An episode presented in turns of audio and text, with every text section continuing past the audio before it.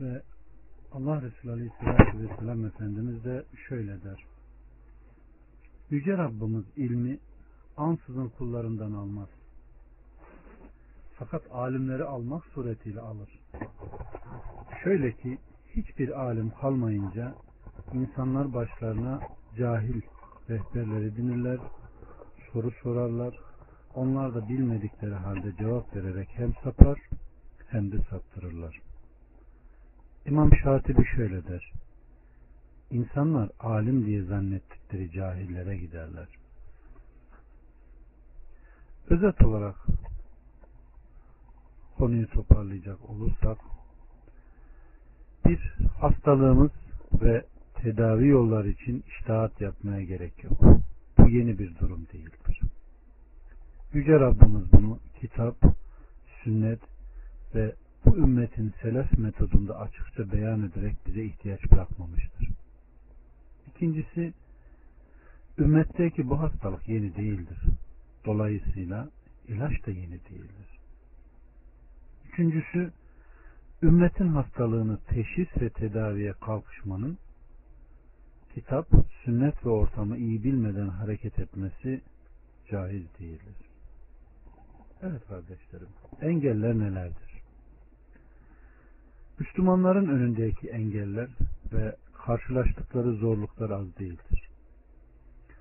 Müslümanların çoğu bu engellerin düşmanların tavrına göre değişebileceğini düşünüyorlar. Allah düşmanların Allah düşmanlarının büyük bir engel oldukları muhakkaktır. Gerçek Müslüman Allah düşmanlarının birçok yerlerde Müslümanlara oynadığı oyun veya kurduğu tuzağı görse hayretler içinde kalır. Çağımızdaki zalimler Firavun'un zulmünden daha fazla zulüm yapmaktadırlar. Firavun Müslümanların erkeklerini öldürüp kadınlarını serbest bırakıyordu. Bunlar ise çocukları kesi kesi veriyorlar. Erkekleri yakıyorlar. Kadınların ırzlarına geçiyor. Mescitleri yıkıyor. Kur'anları yırtıyorlar. Günümüzdeki Allah düşmanlarının kurdukları tuzak hiçbir dönemde eşine rastlanmamıştır kardeşler. İşte Allah düşmanları hiç kimseden korkmadan Müslümanlara böyle tuzaklar kurmaktalar. Fakat bizlerden saklı kalan durum yapılanlara nasıl karşılık vermemizdir. Ayrıca bu ümmette gerçekleşen uyanma ne durumdadır? Tedavi ve karşı koymada izlenmesi gereken yol nedir? Acaba önce hastayı tedavi etmek mi yoksa düşmana karşı koymayı mı gerçekleşmeli? İşte mesele bu kararı doğru vermektedir. Müslümanların tabi oldukları şer'i kaynaklar kitap ve sünnettir. Kitap ve sünnetin bize öğrettiğine göre musibetler Müslümanların kendilerinden gelmektedir ve belaların kaynağı kendileridir. Allah Azze ve Celle'nin dediği gibi size isabet eden şeyin sebebi sizdensiniz. Eğer Müslümanlar nefislerini ıslah etseler, Yüce Rabbimiz düşmanların tuzaklarını geri çevirir ve inananlara yardım eder.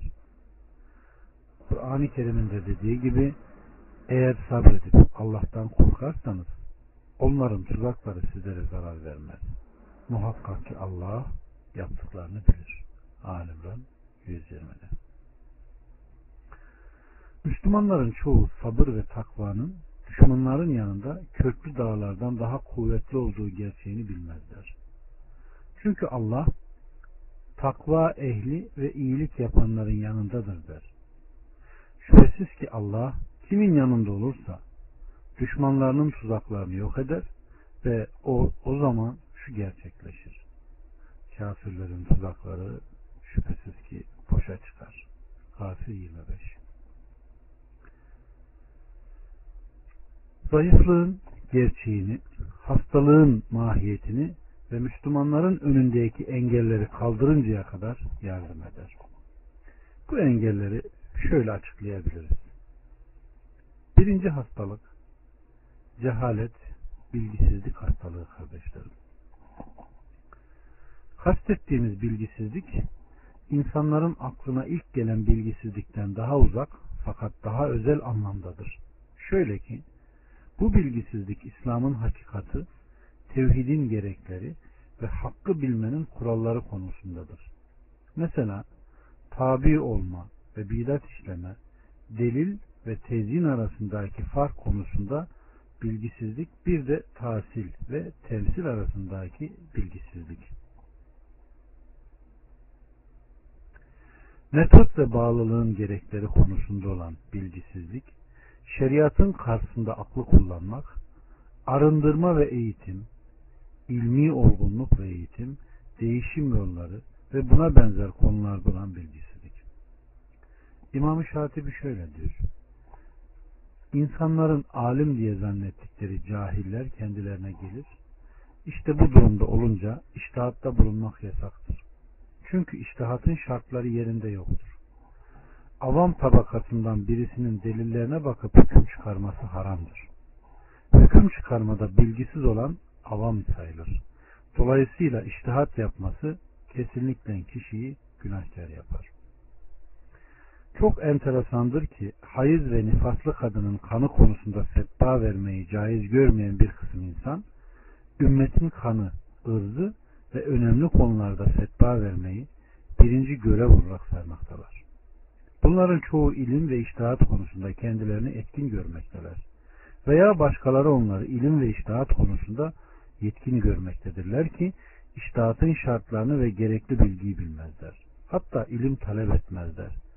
İlmin kaynağını bilmezler.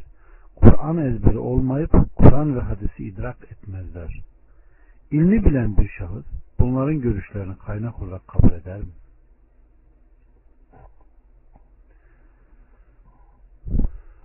İlim ve metot konusunda Müslümanların sınıflandırılmasına gelince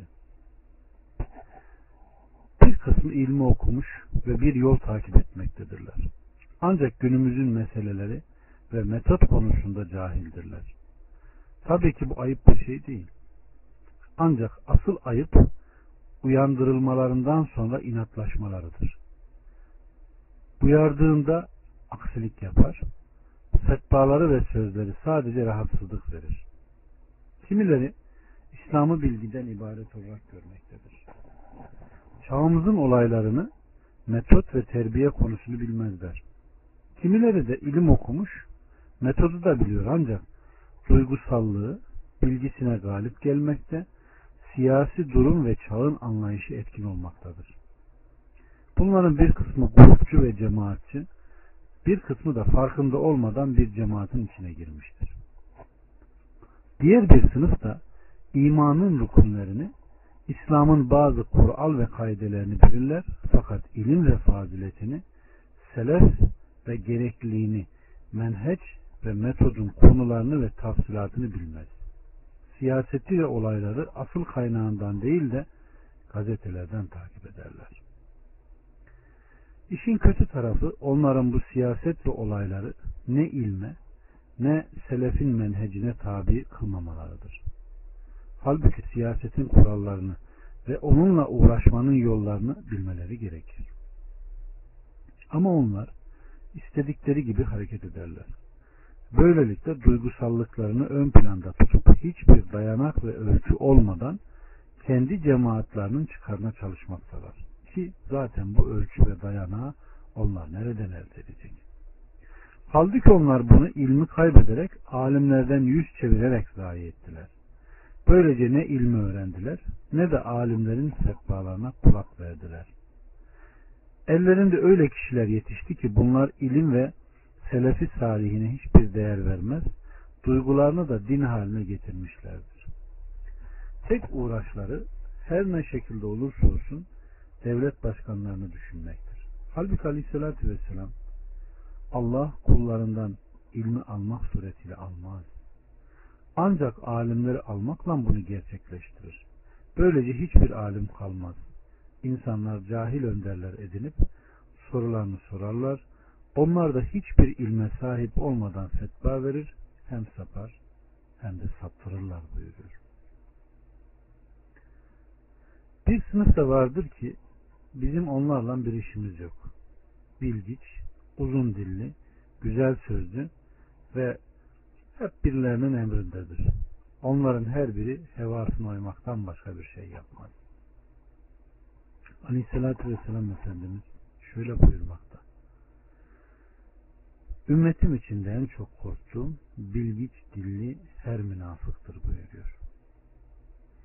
Saydığımız kısım ve sınıflara girmeyenler, ilmiyle amel eden alimler ve Rabbani davetçilerdir ki hata yaptıklarında nasihat edilince hatalarından dönerler.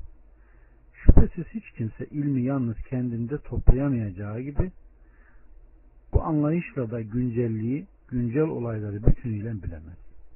Birisinin bilmediğini diğeri hatırlatır. Kimi davetçiler vardır ki ilim yönüyle daha alt seviyededirler. Müslümanların üzücü durumları ve düşmanların kötü siyaseti etkisinde kalarak hata yaparlar. Bütün bunlar ilmi olgunluk ve davet tecrübesinin olmayışından kaynaklanıyor. Ayrıca detaylı bir şekilde menheç konularını bilmemek ve en hayırlısı ile en kötüsünü seçememez, seçemezler. Fakat nasihat edildiğinde kabul ederler. İhlaslı alimler, sadık davetçiler arasındaki yardımlaşma ile hayır gerçekleşir ve nasihat etmekle doğru olan bulunur. Herkes kardeşinin eksiliğin, eksikliğini nasihat ederek tamamlar. Nefret, buğuz, haset ve sırt çevirerek değil. Bu hastalığın tehlikesi nerede? Tevhid ve İslam'ın gerçeği konusunda bilgisizlik, bu hastalık iman zafiyetini ortaya koyar ki bu zafiyetle kişi geçici mevki, zevk ve sayılı para karşılığında dinini dünyasına satar. Bu hastalığın tehlikesi hastanın hastalığını hissetmemesidir. Hastalığı ona sağlıklı olduğunu göstermektedir. Çünkü hasta İslam'a davet etmekte, İslam için bir şeyler feda etmekte ve bu uğurda işkence çekmektedir. Yeniliğe davet edenleri gördünüz mü? Kendilerini hidayet üzerinde zannederler. Oysa ilmin ehemmiyetini, kitap ve sünnete tabi olmanın değerini bilmez ve hiçbir hükümde geçersiz kılarlar. Öyle hükümleri geçersiz kılarlar ki en basitinden bir faizi ele aldıklarında bu alışveriş gibidir derler. Ya fikir adamlarını gördünüz mü? Doğru yolda olduklarını zannederler.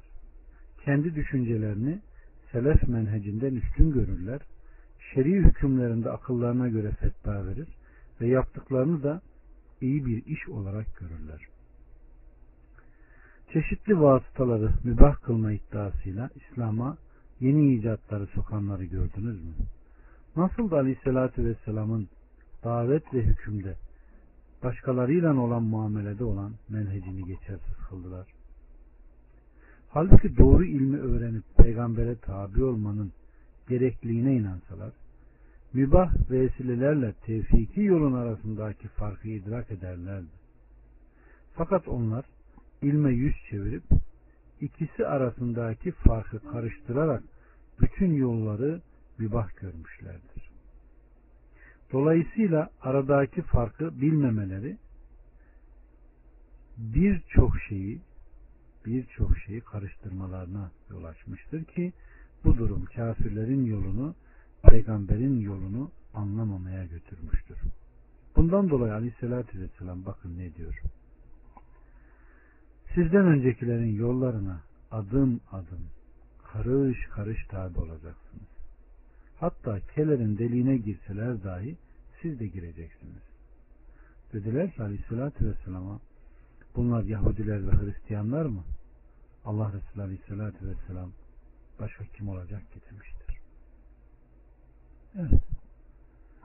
Bu hastalığa yakalanan kişiler ilimle ezber, nakille fıkıh arasındaki farkı bilemezler. Ayrıca alimle alim görünen fakihle hareket eden adamı basiretiyle lider ayrımını dahi yapamaz. Fetva vermeye yetkili olmayan kimseden fetva sorar, ehil olmayan kimseye de tabi olurlar. Bazı davetçilere göre bu hastalığın şekil ve görüntüleri şöyledir.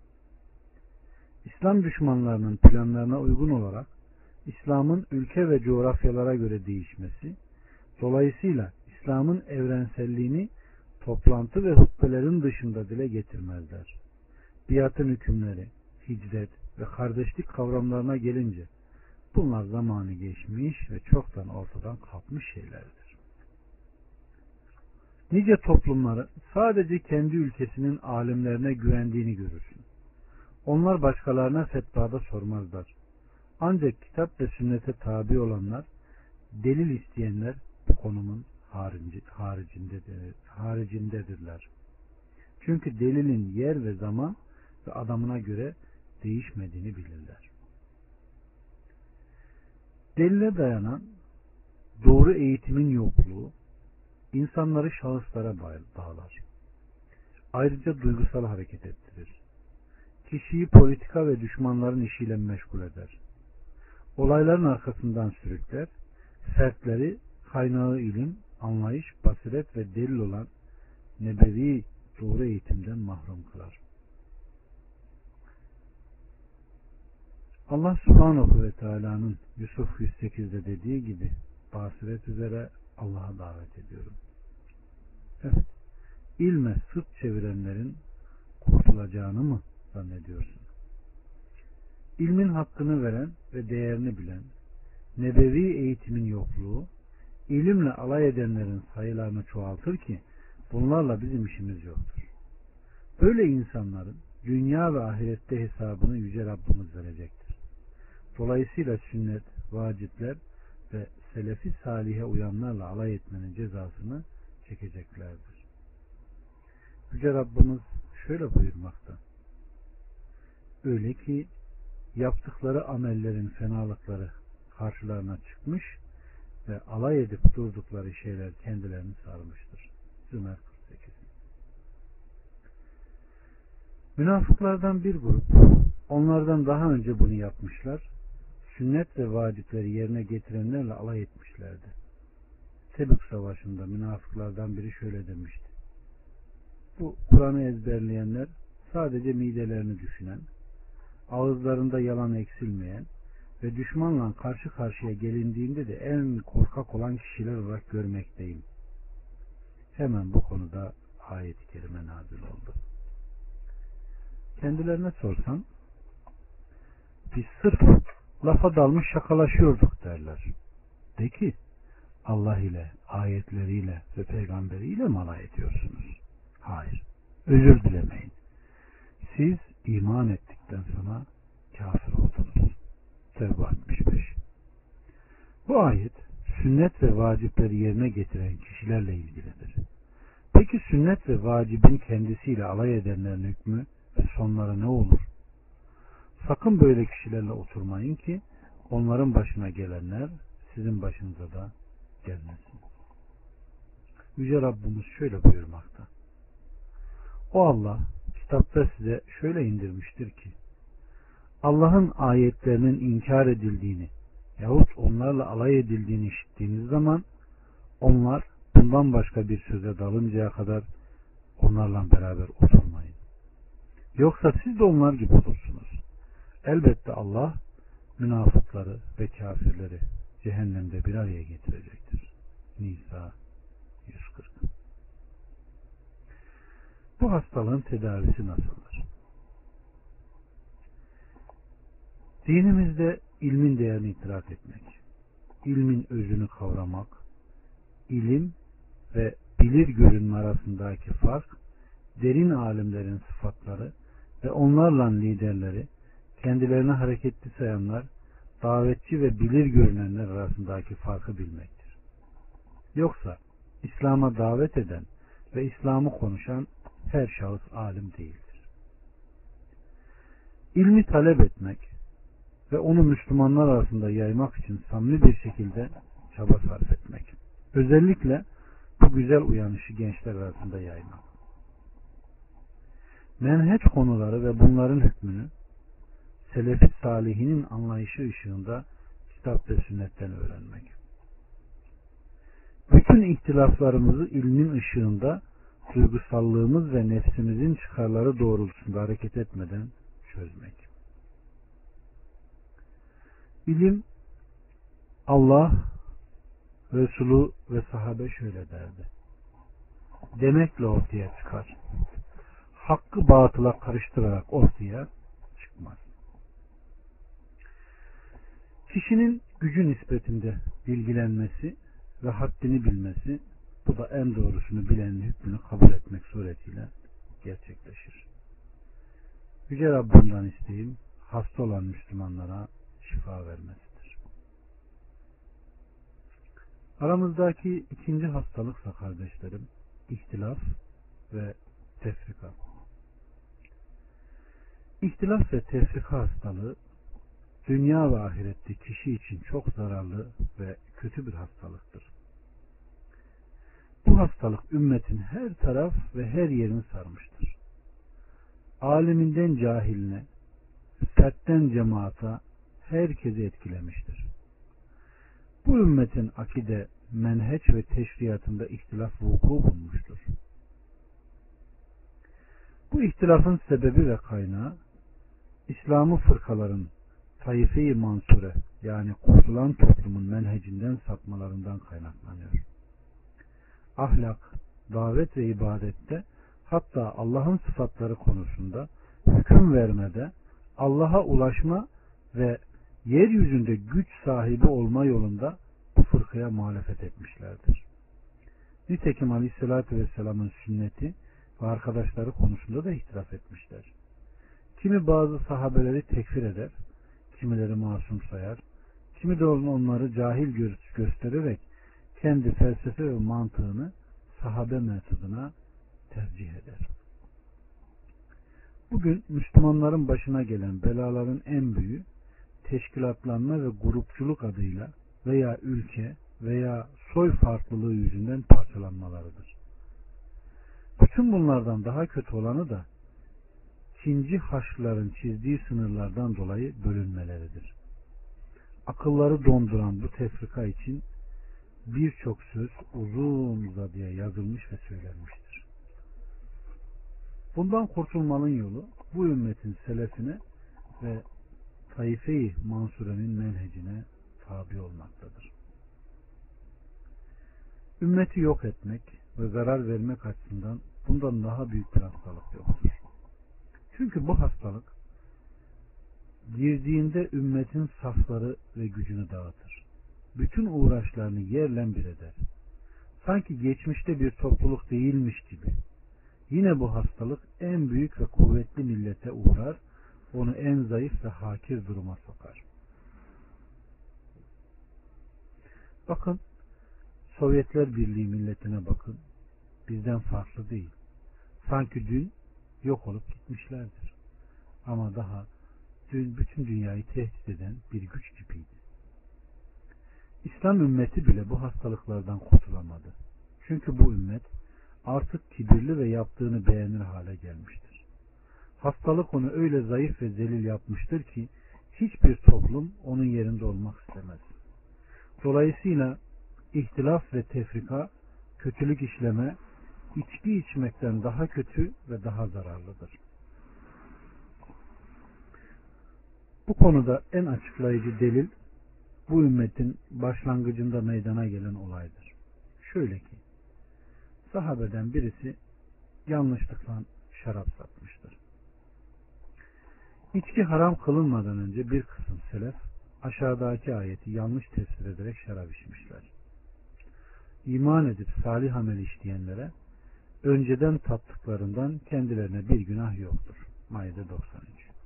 İşte içki konusundaki bu olay Ali ve Muaviye radıyallahu anhum arasında vuku bulan olayın neticesine nazaran ümmette tepkisi hiç sayılır. Zira üç gece içinde 70 bin ölü, arkalarından 100 bin dul ve 150 bin kişi hiçbir hata işlemeden ve hiçbir günahları olmadan yetim kalmıştır. Bu ihtilaf ümmetin cesedinde peş peşe parçalanma ve bölünmelere götürmüştür. Bu ihtilafı gruplar arasında kızgın savaş ve çetin muharebeler takip etmiş, Şia, harici ve diğerler arasında olduğu gibi bütün bu olaylar yaratılış gayesini ve asıl düşmanı unutturmuştur. Fitne esnasındaki fetihler hiç olmadı demesek bile önceki dönemlere nazaran çok azdır. Keşke durum sadece bundan ibaret olsaydı. O zaman musibetlerin etkisi hafif kalırdı. Zira ihtilaf ve çekişmenin zararı günümüze kadar gelmiştir. Allah'ın dilememesi hariç kıyamete kadar bu ihtilaflar devam edecektir. Müslüman topraklarının düşman eline geçmesi, Endülüs'ün elden gitmesi ve bu uğurda kan dökülmesinin tek sebebi bu ihtilaflar ve Allah'tan uzaklaşmadır. İçki kötülüklerin anası ise tefrika, rezalet ve belaların babasıdır. Tefrikaların sonucu sadece başarısızlık bile olsa bizlere şer olarak yeter. Rabbimizin buyurduğu gibi birbirinizden çekişmeyin. Sonra korkuya kapılırsınız da kuvvetiniz gider buyuruyor. İhtilafa sebebiyet vererek tefrikaya cevaz verenler bunun tehlikesini idrak ettiler mi? Niyetleri ne kadar iyi. Gruplaşma istikametinin delilidir. Ümmetin ihtilafı rahmettir gibi. Asıl fitneciler Allah'ın tevhidiyle ümmetin vahdetine çağırarak ümmeti bölenlerdir gibi. Gerçekten bu gibi söz ve fikirler sapıklık ve yoldan sapmadır. Delilik ve saçmalıktır. Ahmaklık ve tahriftir. Allah korusun belki de küfre götürebilir. Hakikaten bu metodun sapıklığı Allah'ın sözlerine kulak veren ve Nebisinin sünnetine sarılan sammilerin ciğerlerini dağlamakta. Heva ve heveslerine tabi olanlar ve İslam'ı metoda sarılmayanlar için en açıklayıcı örnekler bunlardır. Bu grup ne kadar İslam'a davet ederse, ne kadar İslam'ı savunursa, ne kadar Allah düşmanlarıyla mücadele ederse etsin, haricilerden daha çok mücadele edemez ve ibadette yapamaz. Bunlardan ibret alan var mı? Onlara şunu sormak gerekir. Ümmet dağınık mı yoksa birlik halinde mi? Eğer ümmet birlik halindedir, ihtilaflar da gelip geçici ve sıhhat emaretidir derlerse o zaman şu cevabı ver. Yahudiler dinlerini bildikleri kadar siz İslam'ı bilmiyorsunuz. Sözünüzle peygamberi yalanlıyorsunuz. Çünkü peygamber ümmetin bölünecek diyor. Siz ise bu ümmet bölünmemiştir diyorsunuz. Eğer ümmet tefrikada, çekişmede derlerse onlara şöyle söyle. Peki bu tefrikanın tehlikesi var mıdır? Eğer hayır derlerse de ki Yüce Rabbimiz şöyle buyurmakta. Çekişmeyin. Yoksa dağılırsınız. Evet. Siz ise hayır dağılmayız demektesiniz. Size mi yoksa Allah'a mı inanacağız? Eğer bunu kabul ederse de ki peki bu tefrikayı giderip ihtilaftan kaçınmamız gerekmez mi? Eğer evet derlerse tekrar de ki peki düşünce ve aklınızdan mı yoksa Rabbimizin kitabı ve peygamberimizin sünnetinden mi çözüm yollarını arayacağız? Eğer duruma göre değişir derlerse de ki Rabbimiz durumu sizden daha iyi bilir. Nasıl olur da Rabbimiz bizlere yemek yemenin adabını öğretir de ihtilafları çözme yollarını öğretmez? Eğer derlerler, derlerse ihtilaflar bitmez. Çünkü Yüce Rabbimiz şöyle buyuruyor. Onlar ihtilafa düşmeye devam edecekler. Ancak Rabbinin merhamet ettikleri müstesna. Hud 118 Aleyhisselatü Vesselam Efendimiz ümmetim 73 fırkaya bölünecektir. Hadisini zikrederlerse onlara de ki bunu kendiniz mi böyle anlıyorsunuz yoksa tefsir imamlarından mı öğrendiniz? Eğer bunu kendimiz böyle anlıyoruz derlerse o zaman de ki işte bu Allah'a, kitabına ve Resulüne karşı bilgisizce söz söylemektir. Ebu Bekir radıyallahu anh da bundan korkmuştu. Oysa sizde bu korku yoktur.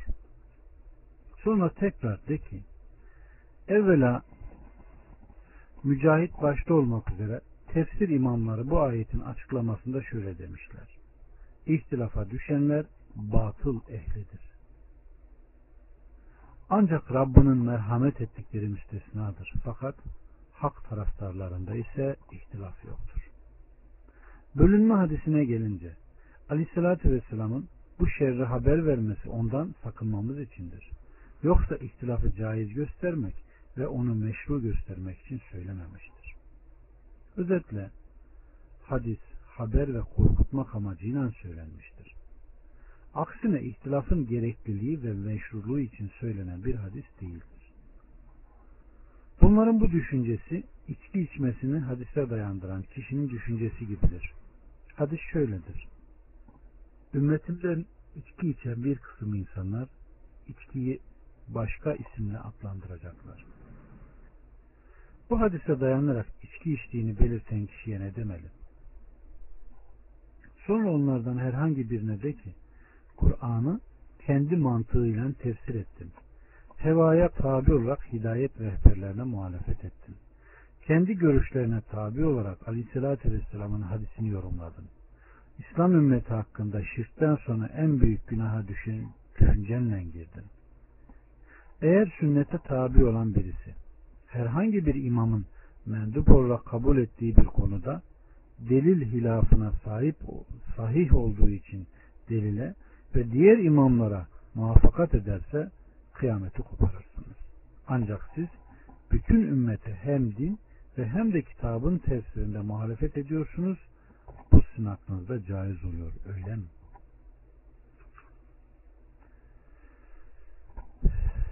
Eğer derse ki ihtilaflar bitmez. Birlik de mümkün değildir. Sen de de ki Subhanallah. Yüce Rabbimiz birliği neden emrediyor? Toplu olarak Allah'ın ipine sarılın niye diyor? Siz ise birlik mümkün değil diyorsunuz. Demek ki Yüce Rabbimiz mümkün olmayan şeyi emrediyor. Bu zulüm. Haşa Rabbimize bu yakışmaz. Rabbimiz sadece mümkün olanı emreder ve hiç kimseye gücünün yeteceğinden öte yük yüklemez. O halde birlik mümkündür. Gerçekleşmemesi ise nefsimiz ve Yüce Rabbimizin kitabına sırt çevirdiğimizden kaynaklanmaktadır. Rabbimiz emrettiği veya nehyettiği her şey iki şıkkı gerektiriyor. Birincisi, bu emri bize açıklaması ve nasıl eda edeceğimiz pratik hayata dökmemizin keyfiyeti konusunda bilgi vermesi. İkincisi ise emrin olabilirliği veya nehyin terk edilişi durumu. Rabbimiz namazı emredince keyfiyet ve hükümlerini açıklamasını gerekli kıldı. Ayrıca kulun gücü dahilinde olmalı. Çünkü güç getirilmeyen şeyler de yüklenmez. İşte birlik içerisinde olmak da böyledir. Aynı şekilde her emir ve nehir şartlarına göre yapılır veya terk edilir.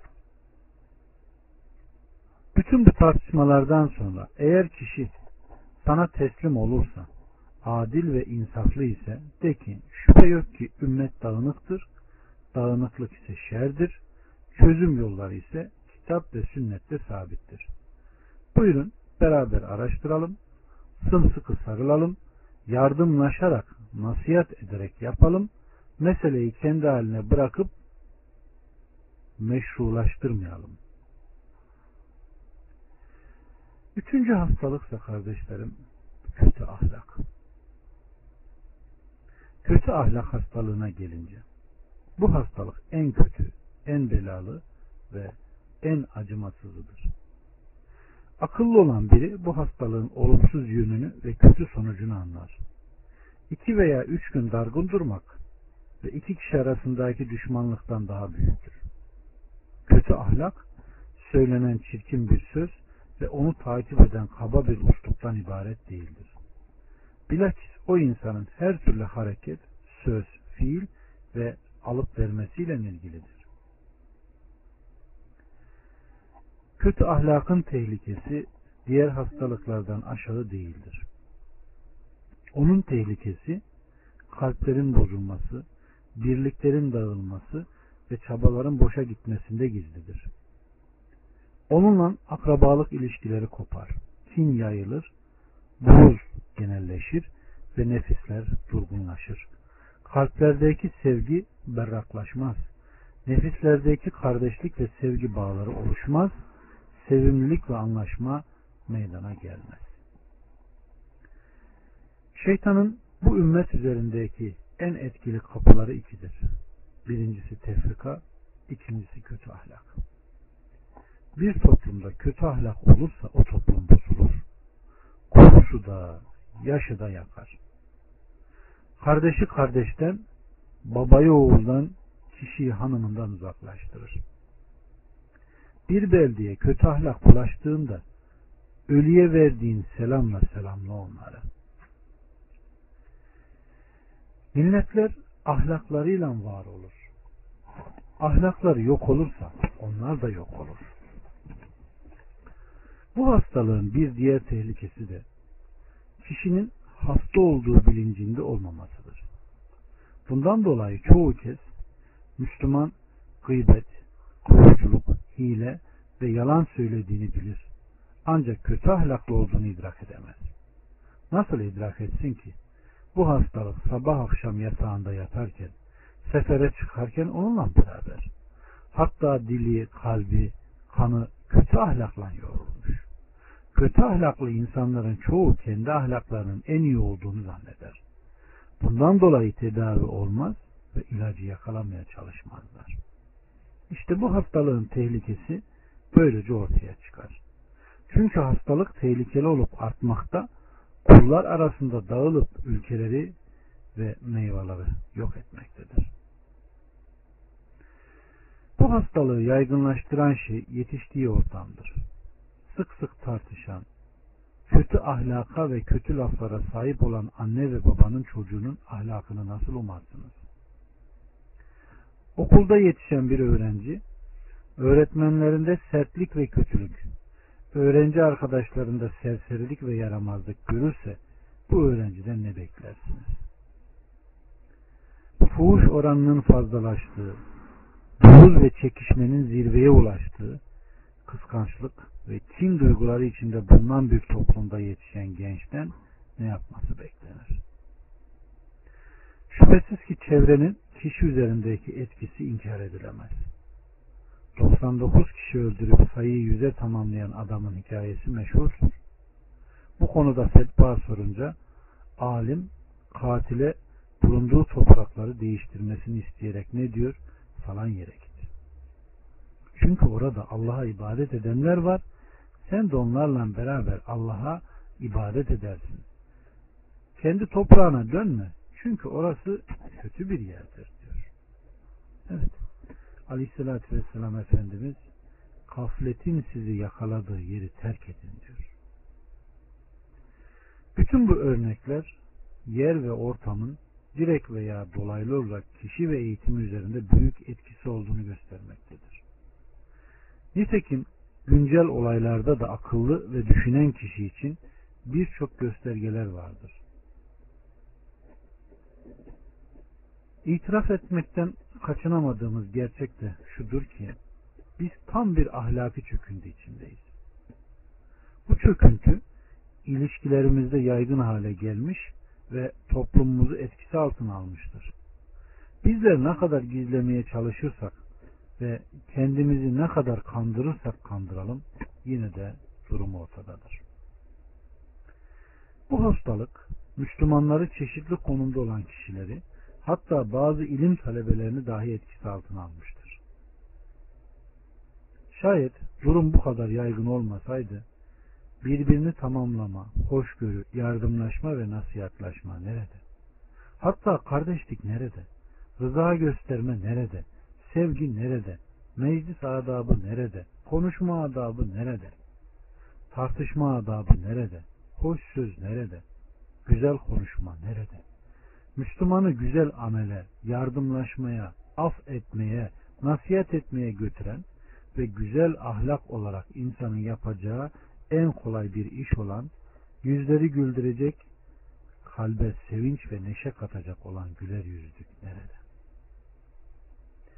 Açıkça ifade etmeliyiz ki bizler kendimizi bırakıp başkalarıyla uğraşıyoruz. Öyle ki bu hastalık ümmetin her tarafını çepeçevre sarmış, nasibini bolca alarak durum daha da kötüleşmiş ve hastanın hastalığı ilerlemiştir. Eğer kesin bir şekilde durumumuzu öğrenmek istersem, halimize bir bakın. Toplantılarımız, münakaşalarımız ve evlerimize göz atalım. Bakın ne göreceksiniz. Şaşırtıcı şeylerle karşılaşacaksın. Sonra bir daha göz at. Göreceksin ki Rabbimiz ve kendi nefsimiz hakkında neler ihmal etmişiz. Adabımızı kaybettiğimiz, ahlakımızı değiştirdiğimiz ve üzücü tablo sergilediğimiz ortaya çıkacaktır. Güzel huyu inatçılığa, sevgiyi buğza, güler yüzlülüğü sert bakışlara, lütfetmeyi kötü muameleye örtmeyi rezil etmeye, yardımlaşma ve nasihatlaşmayı da ayıplamaya çevirmişiz. Kötü zan, delil, itham ve iftira olmuş, onunla kötülükten beri olan kişilere hasret ve kinle kendimizi veya cemaatimizi haklı çıkarmak için iftira etmişiz. Evet. Hayır demek çağımızın Müslümanların şiarı olmuş. Yeni bir Müslüman olmuş bir adamla buluşulduğunda ona birçok soru soruldu. Bu sorulardan biri de şöyle. Müslümanların kendi aralarındaki buluşmalarını nasıl buluyorsun? Dedi ki çok şey görüyorum. Seslerin yükselmesi, birbirlerinin sözlerini kesmeleri, her şeye kızma, kendi aralarında sert olma ve buna benzer şeyler. Sonra tekrar dedi ki Müslümanlarda gördüğüm en şaşırılacak şey biri kardeşiyle konuşurken veya karşılık verirken hayır hayır diyor ve sonra sözüne başlıyor. Sözünü bitirmeden diğeri hayır diyerek tekrar başlıyor. Evet daha sonra kendi halimize baktık. Gerçekten durumun böyle olduğunu gördük. Boşanma konusunu düşünün. Bu esnada ne gıybetler ve ne söz dolaştırmalar göreceksin. Şu şöyle dedi, bu böyle dedi. Bu böyle yaptı, şu şöyle yaptı. Ve zaman kaybı. İki aile arasında geçen boğuzlaşma ve sırt çevirmeler. Netice olarak bunun sebebiyet verdiği kötü zan, belki de iftira veya dövüşmeye kadar götüren olaylar. Bir alim düşün ki bir meselede hata yapsa, bir davetçi yanlış uslup kullansa veya bir konuşmacı konferansında yanlış bir ibare kullansa ya da bir hakim herhangi bir davada hata yapsa böyle bir durumda hemen çirkin söz ve seslerin yükseldiğini duyarsın. İki kişi arasında vuku bulan düşmanlığı bir düşün. Kim bilir ne ahlaksızlık ve yalanlar, ne kin kusma ve zehir akıtmalar ne haber taşımalar olacak.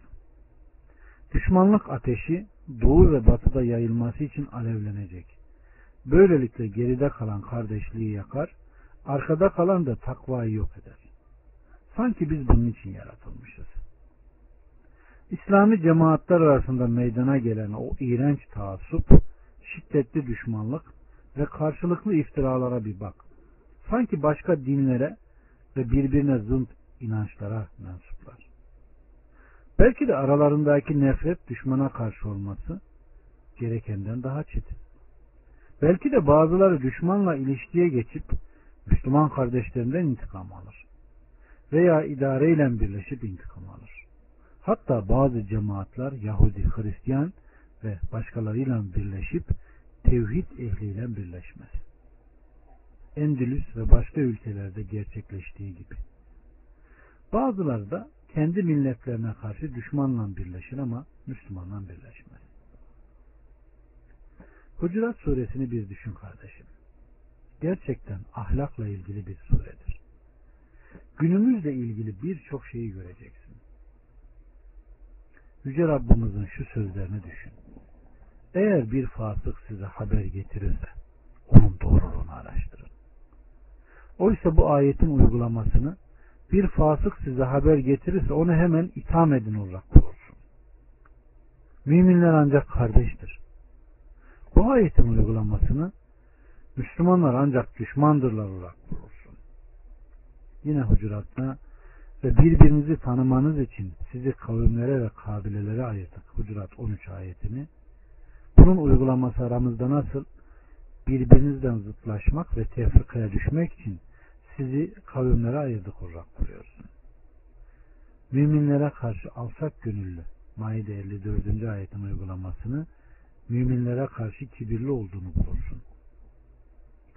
Muhakkak ki Allah yanında en değerli olanınız, ondan en çok korkanınızdır ayetini bu ayeti aramızda uygularken en değerli olanınız zenginleriniz, soylularınız ve makam sahibi olanınızdır olarak bulursun. Onlar kendi aralarında merhametli ayetin uygulamasını birbirlerine karşı sert ve kabadırlar olarak bulursun. Yine hakikaten bu bir tek ümmet olarak sizin ümmetinizdir ayetin uygulaması gerçekten bu ümmet cemaat ve gruplar halindedir olarak bulursun.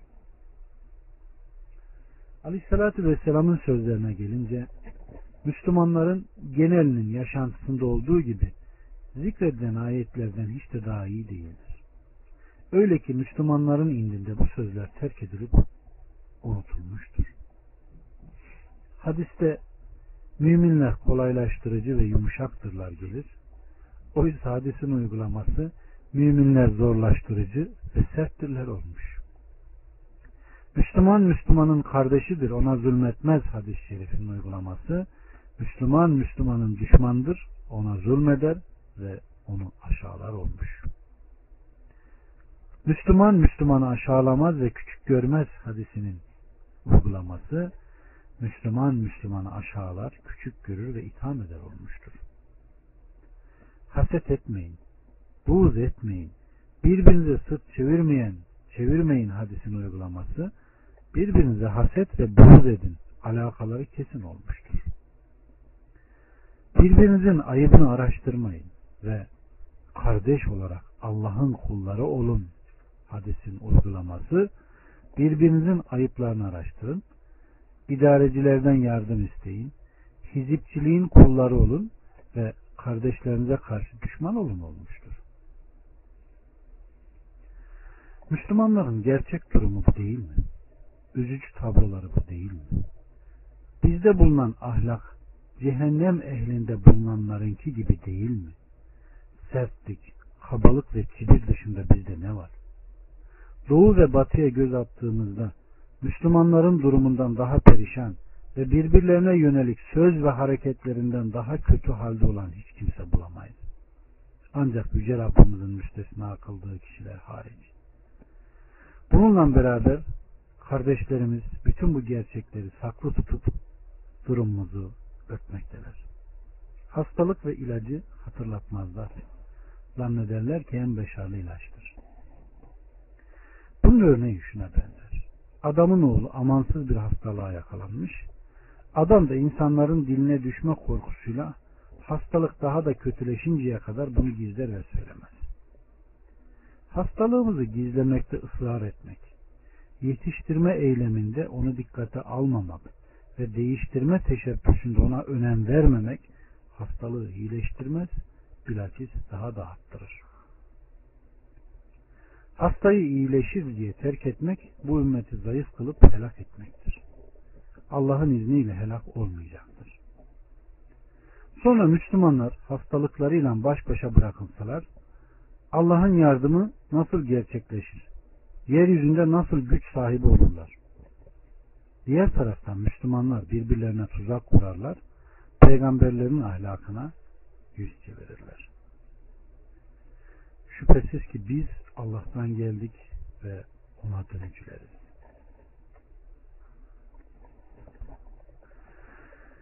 Aynı yakin olarak bildiğin durum doğrudur ve herkesçe kabul edilmektedir. Akıllı ve muhlis olan bu hastalığı bilmektedir. Hastalığı zikrettin. Peki bunun ilacı nerede?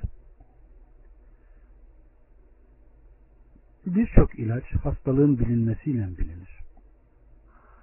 Bu hastalıkta bundandır. Eğer hastalığın bu yemek veya şu içecekten olduğunu bilirsen şifa bulman için bunlardan korunman yeterlidir. Kötü ahlak hastalığından korunmak için de bu hastalığı terk etmek yeterlidir. Aynı şekilde Allah Resulü ve ashabının vaaz ettiklerine sarılmak ve ümmete olan nasihatına yapışmak yeterlidir. Ancak nasıl? Herkesin bilmesi gerekir ki İslam sadece bilgiden ibaret değildir. Tesirli vaazda değildir. Ne hutbe, ne makale, ne de kitap yazma, ne hadis tahriş etme, ne siyasi bir makam, ne de bir mücadeleden ibarettir. İslam sadece bunlar değildir. Bilakis bütün bunlarla birlikte uygulama ve gerçek ameli eğitimdir. En tehlikeli durum davetçilerin toplumlarından uzak olmaları ve alimlerin öğrencilerinden kopmalarıdır. Biz istiyoruz ki hatıp minberden evine, öğretmen sandalyesinden bürosuna, vaiz kürsüden işine gitmesin ki insanlara bir şey öğrettiği zaman teori ve pratiği bir arada tutsun ve İslam terbiyesini tatbik etsin. Şunu açıkça itiraf edelim ki biz bilinçli, deneyimli ve halkla iç içe olan eğiticileri kaybettik. Aleyhissalatü Vesselam'ın en büyük özelliklerinden biri öğrettiği şeyi pratikle özdeşleştirmesidir ki pratik, bilgi, vaaz ve ferdi ibadetten daha içeriklidir. Üstelik Aleyhissalatü Vesselam eğitici olarak kendisinde doğruluk, sabır ve iyi ahlak gibi sıfatları bulunduruyordu. Ayşe annemizin Aleyhisselatü Vesselam'ın ahlakını nitelendirmesinden daha güzel olamaz. Sorduklarında bunun ahlakı Kur'an'dır diyor. İşte bundan dolayıdır ki Aleyhisselatü Vesselam tarihte eşine rastlanmamış öğrenciler yetiştirmiştir. Sanki yeryüzünde yürüyen Kur'an misali olmuşlardı. Günümüzde eğitimci ve öğrenciler nerede? Sadece dersi verip ilmi öğretenler bunu pratik hayata döktürmeden ne bir nesli ne de bir toplumu yetiştirmeleri mümkün değildir. Sadece kitap yazıp yaymak, ateşli hutbe okumak ve tesirli vaazlar vermek ümmeti değiştirmez ve güç de oluşturmaz. Artık alimler, hatıplar, öğrenciler ve davetçilerin kendi kabuklarından çıkıp pratik hayatı öğrenme, öğretme zamanı gelmiştir. Doğruluk, sabır ve güzel ahlak özelliklerini kendilerinde bulundururlarsa işte o güçlü olmanın bütün sebeplerini gerçekleştirmiş oluruz. Belli bir nüfusa sahip olmak için çaba gösteren samimi bir Müslüman, Kur'an'ın açıkladığı af ve bağışlamak prensiplerini göz ardı edemez. Bunları başta kalbine yerleştirir, sonra da uygulamaya çalışır. İhlaslı bir Müslüman, Aleyhisselatü Vesselam'ın güzel ahlakla ilgili hadislerini okuyunca, onu kalbiyle kabul eder, sonra da azalarıyla tatbik etmeye çalışır. Bazı Müslümanların güzel ahlakı nasıl terk ettiklerini ve ilacını zikredelim. Yumuşaklık ve güzel sözü kaybetmeleri. Müslümanları çok sert ve kaba bulursun. Sert söz ve usluplar kullandıklarını görürsün. Bunu yaparken de şeytana uyarlar. Bidat ve doğru yoldan ayrılanları uyarmak niyetiyle bunları yaparlar. Sanki Yüce Rabbimizin şu sözünü duymamışlar. Ona yumuşak söz söyle. Belki o aklını başına alır veya korkar. Evet. Sanki Peygamber aleyhisselam Ayşe'yi Yahudilere ölüm ve lanet üzerine olsun derken uyarmamış ve şöyle dememiş. Allah bütün işlerde yumuşaklığı sever. Ve başka bir rivayette ey Ayşe kötü biri olma. Bir diğerinde sus ey Ayşe Allah kötülüğü ve kötü olmayı sevmez buyurmuştur. Ayeti kerime azılı kafir Firavun için yumuşaklığı emrediyorsa, hadis en kötü toplum olan Yahudiler için kötü söz söylemeyi uygun görmeyip yumuşaklığı öneriyor ise, bidat ve inhiraf içinde olan Müslümanlar nasıl yumuşaklığı hak etmesin? Üstelik bunlar içerisinde bizimle aynı yolda hata etmiş, metottan ayrılmış, bidat işlemiş, inhiraf eden kardeşler vardır. Ancak hata işleyip metottan sapıp bidat ve hurafa işlemişler. Şunu biliniz ki, yumuşak sözlü olmak, yumuşak bir şekilde davet etmek ve güzel ahlak sahibi olmak, bidata susmak, günahı kayırmak, metot sapmasına da göz yummak anlamına gelmez.